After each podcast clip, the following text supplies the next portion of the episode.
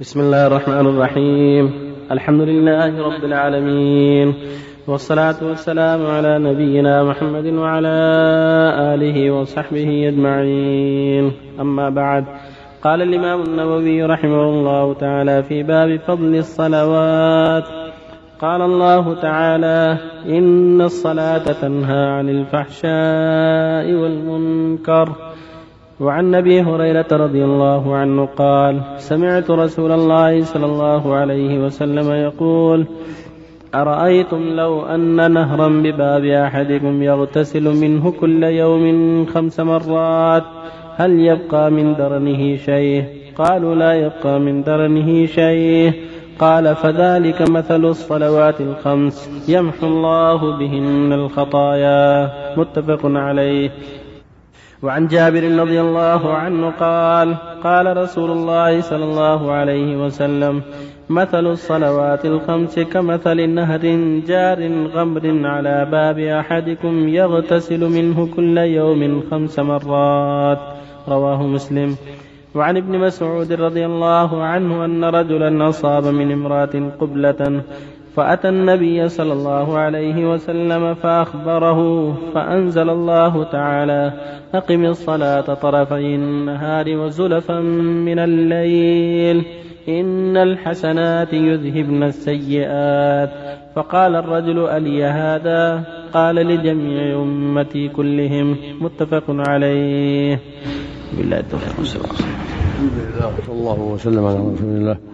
وعلى آله وأصحابه من اهتدى بهدى أما بعد هذه الأحاديث الثلاث تدل على فضل الصلوات الخمس وأن الله جل وعلا يمحو بهن الخطايا ويكفر بهن السيئات لمن حافظ عليهن. وقد شبه النبي صلى الله عليه وسلم قيام العبد بالصلوات الخمس كمن على بابه نهر غمر يغتسل من كل يوم خمس مرات فإن ذلك لا يوقي من درنه بوسخه شيئا. فهكذا الصلوات الخمس في حق من حافظ عليها.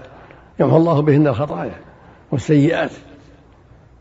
والله يقول جل وعلا أقم الصلاة إن الصلاة تنهى عن الفحشاء والمنكر ويقول سبحانه والذين هم على صلواتهم يحافظون أولئك هم الوارثون. يرثون الفردوس هم فيها خالدون. ذكر صفات بدأها بالصلاة وختمها بالصلاة. فالصلوات الخمس هي عمود الإسلام وهي أعظم الأركان. بعد الشهادتين. من حافظ عليها حفظ دينه ومن أضاعها فقد أضاع دينه ولا حول ولا قوة وهي عمود الإسلام. ومن رحمة الله أن جعل المحافظة عليها والعناية بها من أسباب تكفير السيئات وحط الخطايا. لمن لم يصر على كبيرة. ولهذا في الحديث الآخر يقول صلى الله عليه وسلم الصلوات الخمس والجمعة إلى الجمعة. ورمضان إلى رمضان كفارات لما بينهن ما لم تزل الكبائر إذا اجتنب الكبائر وفي هذا أن الرجل أتى من امرأة قبلة حراما فجاء تائبا نادما للنبي صلى الله عليه وسلم فأنزل الله وأقم الصلاة طرفي النهار وزلها من الليل. إن الحسنات يذهبن السيئات.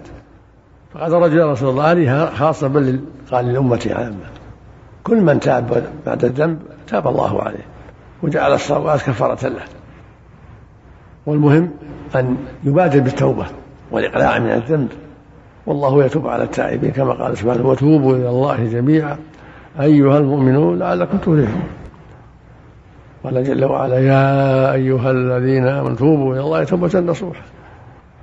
أعظم الذنوب الشرك. فإذا تاب الإنسان وأسلم محى الله عنه الشرك. فهكذا المعاصي. كل من تاب منها توبة صادقة محاها الله عنه. والتوبة الصادقة تجتمع على أمور ثلاثة. الندم على الماضي والإقلاع من الذنب وتركه والعزم أن لا يعود فيه. هكذا التوبة. ندم على الماضي حزن على ما مضى منه وإقلاع منه وترك كله وحذر منه خوفا من الله وتعظيما له وعزم صادق أن لا يعود فيه.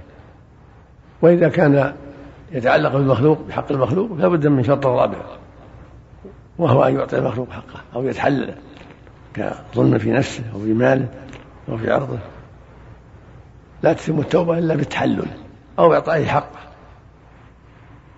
إلا في العرض إذا لم يتيسر له تحلله يدعو له